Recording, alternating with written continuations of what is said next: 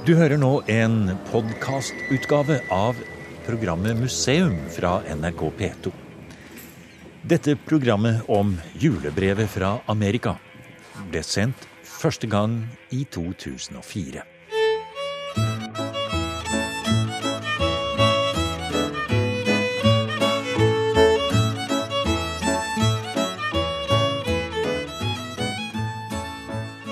The Minnesota Scandinavian Ensemble spiller ekte norsk folkemusikk fra prærien i Midtvesten.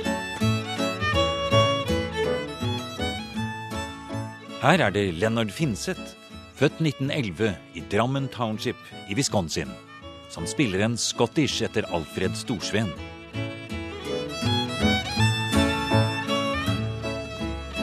Musikken var en viktig erindringsvei for det norske Amerika. Ikke bare på 1800-tallet, men til langt inn i forrige århundre. Det er et ord jeg som ikke leser. Antingen julaften til Hvor er du nå? En annen måte å holde kontakten med gamlelandet på, var å skrive julebrevet fra Amerika. I hvert fall julaften. Meeting. meeting. Det er, ja, det er det. Meeting. Det er engelske ordet. Det er meeting julaften. julaften. Uh, klokken to ja. etter og juletre om aftenen. Ja. Så får våre Gaver. Burn. Gaver. Burn, gaver. Ja. ja. Direktør Knut Djupedal på Norsk Utvandrermuseum har tatt fram en stor bunke amerikabrev fra arkivet. De eldste er fra 1870-åra, og akkurat dette vi nå leser i, er fra 1916. Så vi er alle friske, er alle friske og trives bra. Det var viktig å få frem. Her skriver man litt om hva de forskjellige har fått. Vi har fire arbeidshester og en fål, to kyr, to kuer.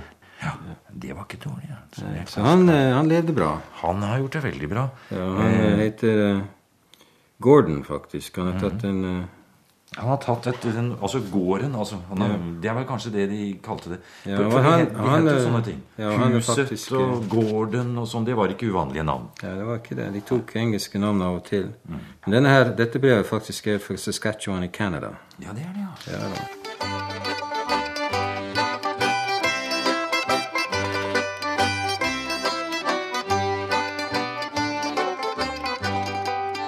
Banjo og mandolin, fele og trekkspill.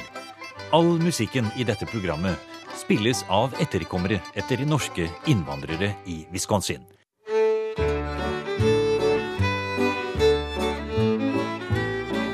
Selve innspillingen ble gjort i 1973. Men nå skal vi nesten 100 år lenger tilbake. Djupedal har tatt fram brev som forteller om julefeiringen i det norske Amerika og hvordan de skriver hjem om høytiden i sitt nye hjemland. Her er et brev fra 1886. My dear brother Søren. Jeg skulle vel fortelle hvorledes jeg turde julen, og hvorledes jeg lever. Jo, i vinter lever jeg hos en gammel, enlig tøllebar bukk fra Østre Slidre. Jeg steller en team, parentes et par hester, og kjører og hugger litt ved for bård, altså i parentes mad, seng og hus. Det er nok ikke stort å gjøre her, men så er det ikke bedre mann å være hos. Julen har gått aldeles ubemerket for meg. Alt jeg erindrer til den, er at jeg spiste vassgrøt og sur mjølk til aftens om julaften. Det var første gang jeg fikk sådan kost den aften. Uh, så ikke forstå at således at den mann jeg lever hos, er så fattig at han ikke har annet å spise. Nei, han er rik, han er rik den særlingen. Ja. Som sjølsagt, julehelgen kom og gikk aldeles utmerket for meg. Ikke var jeg i kirke, og av den grunn at juledag eh, døde vår prest Olaf, Olaf Stubb. Så det var en nokså kjedelig juledag. Ja, det var en som altså arbeidet eh, på en gård for en annen. Han var arbeidet for kost og losji. Ja, han gjorde så. Og, det var vel ikke så uvanlig, egentlig. Det var en ganske kanskje vanlig situasjon i 1880-årene. Helt alminnelig. Ja. Uh, dette å jobbe som han gjorde for en, uh, en annen kar for kost og losji, det var en måte å komme inn i det amerikanske samfunnet. Lære seg å kjenne det området Eh, de var jo nesten alltid ansatt hos en annen nordmann, som han her, en kar fra Østre Slidre. Mm. Og, eh, Ja, Det hadde med språk å gjøre, blant Ja, annet. språk og familiekjennskap. og alt, og, ja. alt det. Ja, at man følte seg eh, Det det var en mykere overgang, ikke sant? Og man ser det samme i dag, f.eks. i Oslo. Det er en grunn til at uh, mange innvandrere bosetter seg i nærheten av hverandre.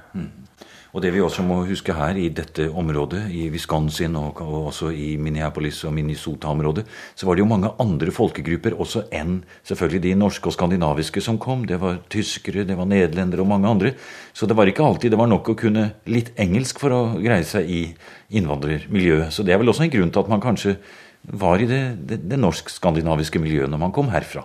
Ja, det stemmer. Det, engelsken var jo så sin sak, men så er det alt det andre som, som du nevner. Ja, Men jeg har et brev om det også. ja akkurat. Ja. Her står det Kjære, kjære farbroder. Dette brevet er datert eh, 17.12.1881, altså skrevet like før jul. Og det står, står på det helt til slutt så det 'Gledelig jul og godt nyttår ønskes Eder alle. eder alle'. Men her står det altså 'Kjære farbroder'. Nå lakker det snart til den første juleferie som jeg skal oppleve i Amerika. Men man gjør ikke så meget av julefesten her som i Norge, hører jeg. De fleste holder vel opp med arbeidet første juledag, skulle jeg tro. Omtrent en måneds tid siden opphørte høstarbeidet på landet, og jeg har den siste tid gått på engelsk skole her i byen. Men det er ikke så ganske snart at lære det engelsk-amerikanske, det er meget slemme, slemmere enn jeg tenkte meg. Så der Han sliter med språket. Ja, der, han, han går på skole for å lære seg det. Og etter, vel å merke etter høstarbeidet Ja. For, ja, for å utnytte tiden, ja. Ja, utnytte. Han syntes det var vanskelig. Ja, han syntes det. Han syntes det var svært vanskelig. Akkurat. Altså, Dette med å skrive hjem disse brevene Dere har jo en stor samling med amerikabrev her på Utvandrermuseet. Eh, man skrev vel egentlig ikke akkurat så veldig ofte. Uh, nei. eh, det viser seg igjen og igjen. Hvis du får Når, når du ser en, en serie med brev fra samme familie, hvilket vi har noen av, eh, så kan du se at i førstingen så skriver de mange brev. Det kan være et brev hver, faktisk hver måned eller hver tredje måned. eller noe sånt, Men etter hvert så dabber det av. Eh, og etter hvert, hvis det går mange år, så blir det gjerne til slutt bare et julekort. Men det der å sende julekort, det, det er viktig i begge retninger. Det kan være at det går et helt år uten et brev, men et julekort eller et eller annet sånt til jul kommer alltid. Eh, Det kan gjerne skrives sånn som dette her like opp under jul, for da sitter man faktisk i Amerika og tenker på de som er hjemme, og tenker på julen og alt det der. der. Så skriver man brevet, og vel vitende at det kommer fram etter jul. Men da viser seg det, det når, når det kommer fram, så kan folk vite at vi satt og tenkte på dere i Norge. sant? For det er er jo datert her, som du ser. Ja. Så han har sittet og Ja. han, eh, Og det, det, det at det er en så veldig fin håndskrift som vi var inne på, det har vel også noe med det å gjøre også. At man viser at man gjør seg flid. Det skal være et fint brev. Man vet at dette kanskje blir et dokument nærmest i familien som man tar frem og leser for de besøkende som kommer til Kanskje det er hjem til barndomshjemmet, eller til eh, der han har reist ut fra. Vel, han skriver jo 'kjære' ofte 'i hug kommet broder'. Ja, det er til sin bror. Kjære ofte i huget kommet broder, du. Ja. Ja, nå er vi nettopp innunder jul, julen, og vi venter oss en velsignet og glad julefest. Må Herren, må Herren la det lykkes. Vi akter at have en liten juletre i vårt hus, og små julegaver i og med et lite program og, med mer og sang. ja. Ehm, og en hyggelig julaften sammen. Bærer vi også få Jesus med. Ti uten han er alt omsons. Eh, Til uten han, ja, er alt omsonst. Ja, så dette er en, selvfølgelig en kristen familie, skjønner Det er du. sånn. Bor de i et eh, Bor de i en by, disse som skriver dette brevet, tror du? jeg vet ikke, jeg vil tro de bor ute på landet. De bor på land, ja. Men så er det neste setning her som er interessant. Ja, de sier at de har raka fisk. Og ønsker meg være så at jeg kunne nyte derav. Også jeg kunne ønske at havet dere så at de kunne smake våre julekaker og andre gode ting. Men én ting mangler vi. Den prektige primosten er nå eh, spist opp for lenge siden. Den var en stor gave for oss alle så lenge den varte. Men allting tager slutt. Ja, Det tyder altså på at de har fått en pakke fra Norge. Dette her, kanskje? Ja. Ja, Og de har eh, spist opp primosten. Den syns de var god. Ja, og den ønsker seg rakefisk. Og jeg syns, eh, tatt i betraktning hvor populær rakefisk er i dag, at, det, at man her for nesten 100 år siden sier at han skulle likt å smake den, det er litt interessant. Ja, absolutt.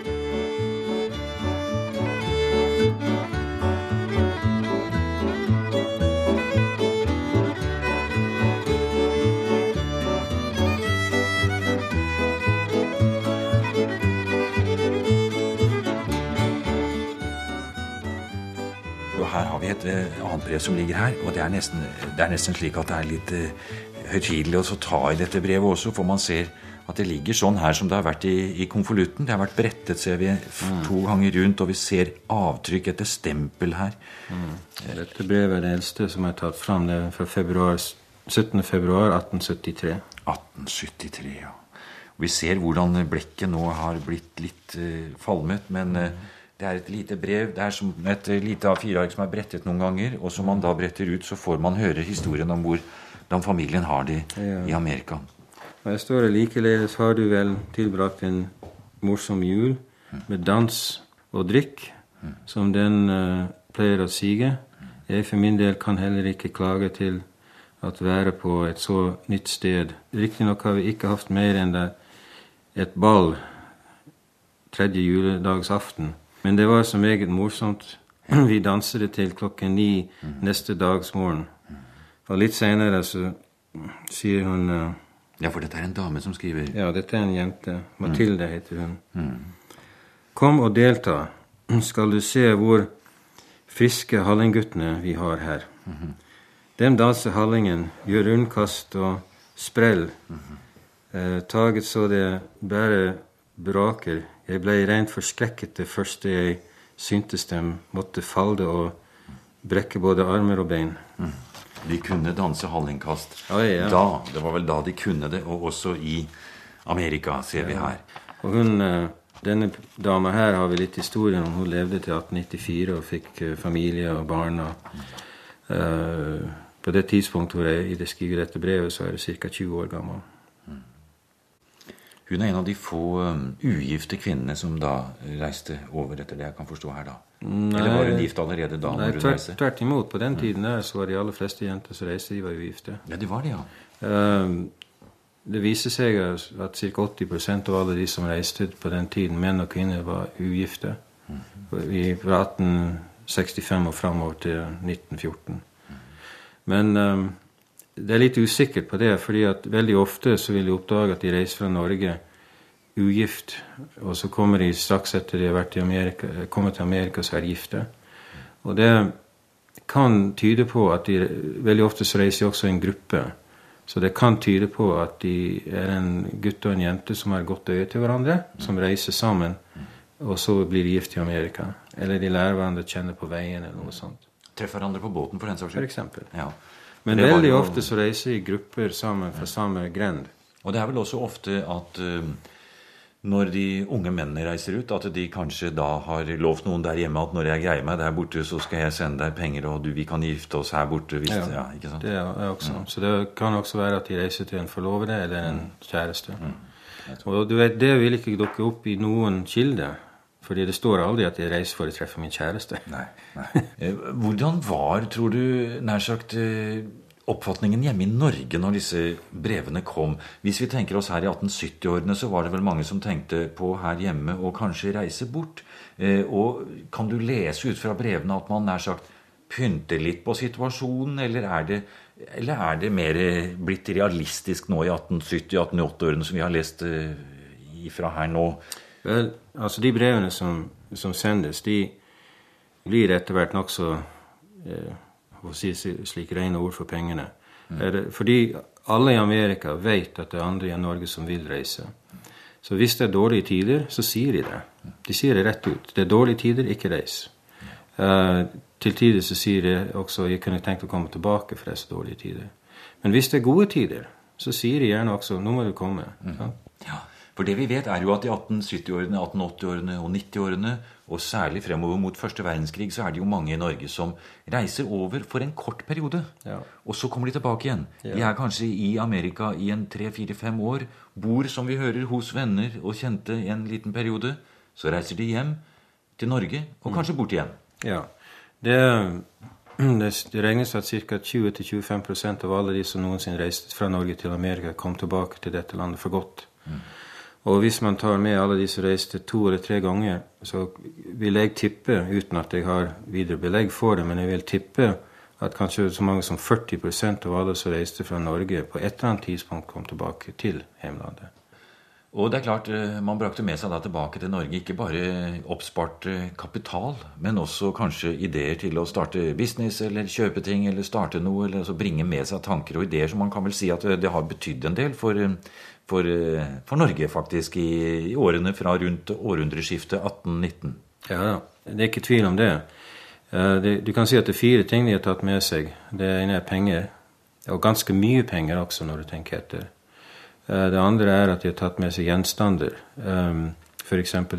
bort på Vestlandet, der jeg er ifra, det første påhengsmotor kom allerede i 1916 fra Amerika. De tar med seg arbeidsredskap. De tar med seg nye tanker. Og de sier også De tar med seg det som jeg har kalt et annet verdensbilde. En ny måte å se verdenen på. Og den det er ganske så viktig, og det sier de sjøl om seg sjøl, at de er mindre tradisjonsbundne, de som har kommet hjem, og vi har intervjuet dem. De sier det at de har mindre tradisjonsbundet, de er mer tiltakslysten. Men det som er viktig, er at deres naboer, som aldri har reist ut, sier det samme. De som kom hjem, er mer tiltakslysten, mindre tradisjonsbundet osv. osv. Og en av de mest interessante i så måte som jeg har vært borti, var en mann fra Vestlandet som jeg intervjuet, som sa Jeg spurte han om han hadde endret seg da han var i Amerika. Og så sa han ja, når jeg kom hjem, så tok jeg ikke av meg hatten for presten mer. Sånn? Og I den ene setning så ligger det en sosial revolusjon. 1000 års kristendom rett ut gjennom vinduet. og Forholdet mellom øvrigheta, representert presten, og en vanlig person som etter gammelt skal stige av veien når presten kjører forbi. Ta av seg hatten. Men i utvandrernes Amerika så hadde han lært seg at enhver er sin egen lykkes smed. Ja, og prester er ikke bedre enn andre. Så han tok ikke av seg hatten for presten mer. Én kort setning og en hel sosial revolusjon. Jeg tar ikke av meg hatten for presten mer. Ja. Helt, den, den der syns jeg er meget, meget viktig når man tenker i det hjemvendte.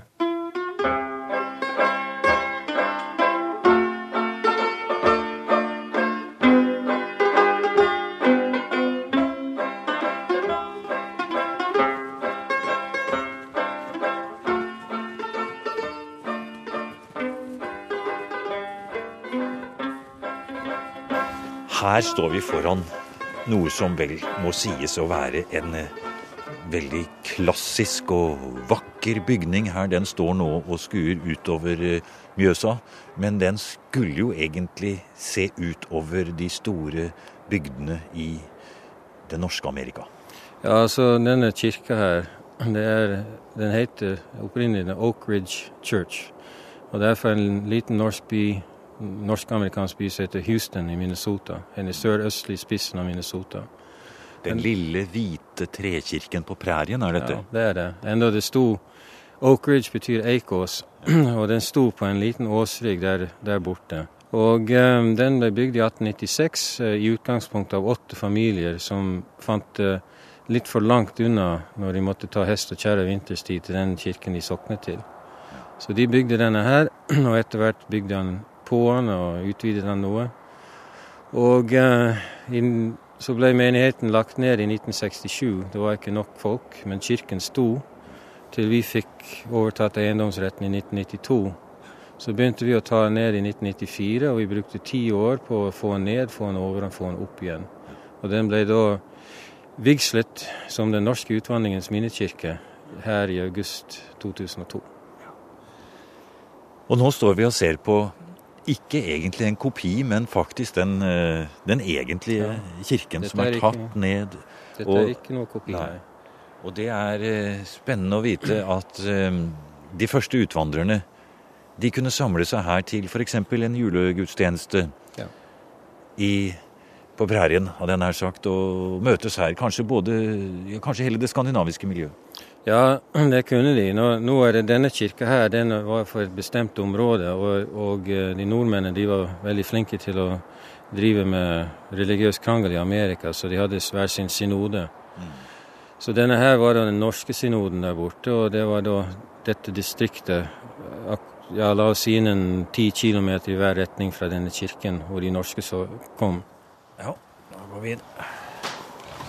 Her kommer vi inn, og her står det ute i våpenrommet her The Oak Ridge Lutheran Church, ja.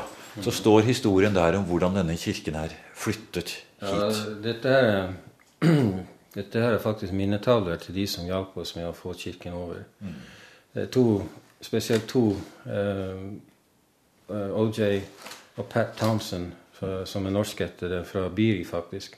Fra Biria, det er jo ikke så langt herfra. Nei, for de bor nå i Mason City, Iowa. De ga oss eh, penger til dette prosjektet. Og likeledes eh, denne her, Ralph Engelstad, eh, som var De er fra Stange, står det. Ja, han døde her for et par-tre år siden, og han hadde da eide to kasinoer i Las Vegas.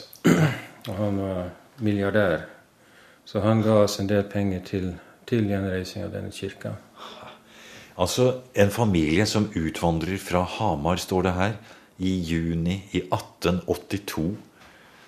Og som slo seg ned ved Thief River i Minnesota. Ender opp som kasinoeiere i Vegas, denne familien, og Han- gir pengene til å flytte det. kirken hit til Ja, Utvandrermuseet. For en historie. Ja, men han, han eh, Engelstad er kjent borti North Dakota der fordi at han, eh, han bygde en, eh, en hockeyarena i University of North Dakota til 100 millioner dollar. Eh, Som de sier, han hadde salttomaten. Ja.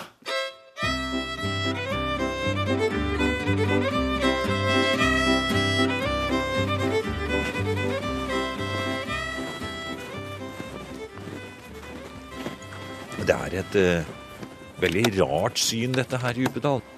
Og vi står her og ser utover en, eh, en blanding av et moderne landskap med den nye E6-en bak oss her, og eh, disse gamle bygningene fra det amerikanske området rundt Wisconsin, Minnesota og dette området som emigrantene kom til.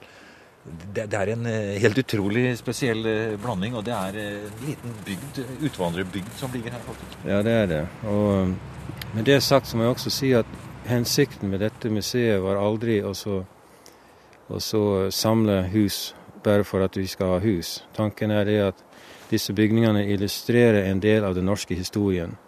Altså Det er ikke bare amerikansk, dette her. Det er faktisk en del av den norske historien. Og ikke er utvandringen over. Ikke gikk han bare til Amerika. Den gikk mange andre steder også. Og det er som sagt en del av vår egen historie. Så vi bruker dette her for å fortelle den historien. Så kan det kanskje være litt tankevekkende å komme hit og se på hvordan de norske som reiste ut i verden, prøvde å greie seg. For nå i dag så har jo Norge blitt et mottakerland for innvandrere fra andre steder. Ja, det er det. Men man, jeg syns når man begynner å tenke i de baner, så burde man alltid ha i mente at den enes utvandrer er den andres innvandrer. Og de store trekk i innvandringen, det å vandre fra et land til et annet, de store trekk er det samme uansett når du reiser, eller hvor du reiser fra, eller reiser til. Altså F.eks. det å finne seg til rette med en jobb, finne, lære språket, lære et nytt kultur. Eh, treffe andre landsmenn som har reist før, og hjelpe andre som kommer etter. Kontakt med heimlandet, sende penger hjem i kriser. Reise tilbake på besøk, holde kontakt med slekten. Alt det der er der. Alle de tingene er det samme uansett hvor du er eller hvor du kommer ifra, eller når du reiser. Detaljene er annerledes. En nordmann reiser pga. at han vil ha bedre lønn for sitt strev i 1880. En uh, østeuropeer reiser i 1980, 1990 pga. krig. sant? Men når de da en gang er kommet til et nytt land og skal være der en stund, så dukker alt dette her opp igjen. Til og med det religiøse. Vi tror i dag at uh, vi har mye krangel i verden, og særlig innbyrdes f.eks. Man kan lese i avisen om, om det som skjer i det av, til og blant det muslimske miljøet i Oslo. Men de norske her de hadde også sine prester som nektet f.eks. giftermål utenfor den lutherske tro. De hadde også en kirke som sa at eh, en, en retning i kirken der borte som sa til og med etter den amerikanske borgerkrigen at slaveriet var ikke mot Guds ord. Det var en uting, men det var ikke mot Guds ord. Altså i det, i det skandinaviske og norske migrantmiljøet ja, i USA? Ja, ja. Så det, som jeg sier, de store trekkene, de er de samme. Detaljene er annerledes i hver generasjon og hvert folkeslag, for å si det slik. Men jeg alltid syns det at av alle land i Europa, så burde Norge være det landet som hadde mest forståelse for innvandring. For i dette landet her, så nær som er det landet i Europa så nær som Irland, så hadde prosentvis de fleste utvandrere. Alle har en onkel i Amerika. Alle har hatt en utvandrer i familien. Og det burde vi kanskje ha i mente nå til dags. Du har nå hørt en podkast av programmet Museum fra NRK P2. Send gjerne en e-post til museum krøllalfa nrk.no.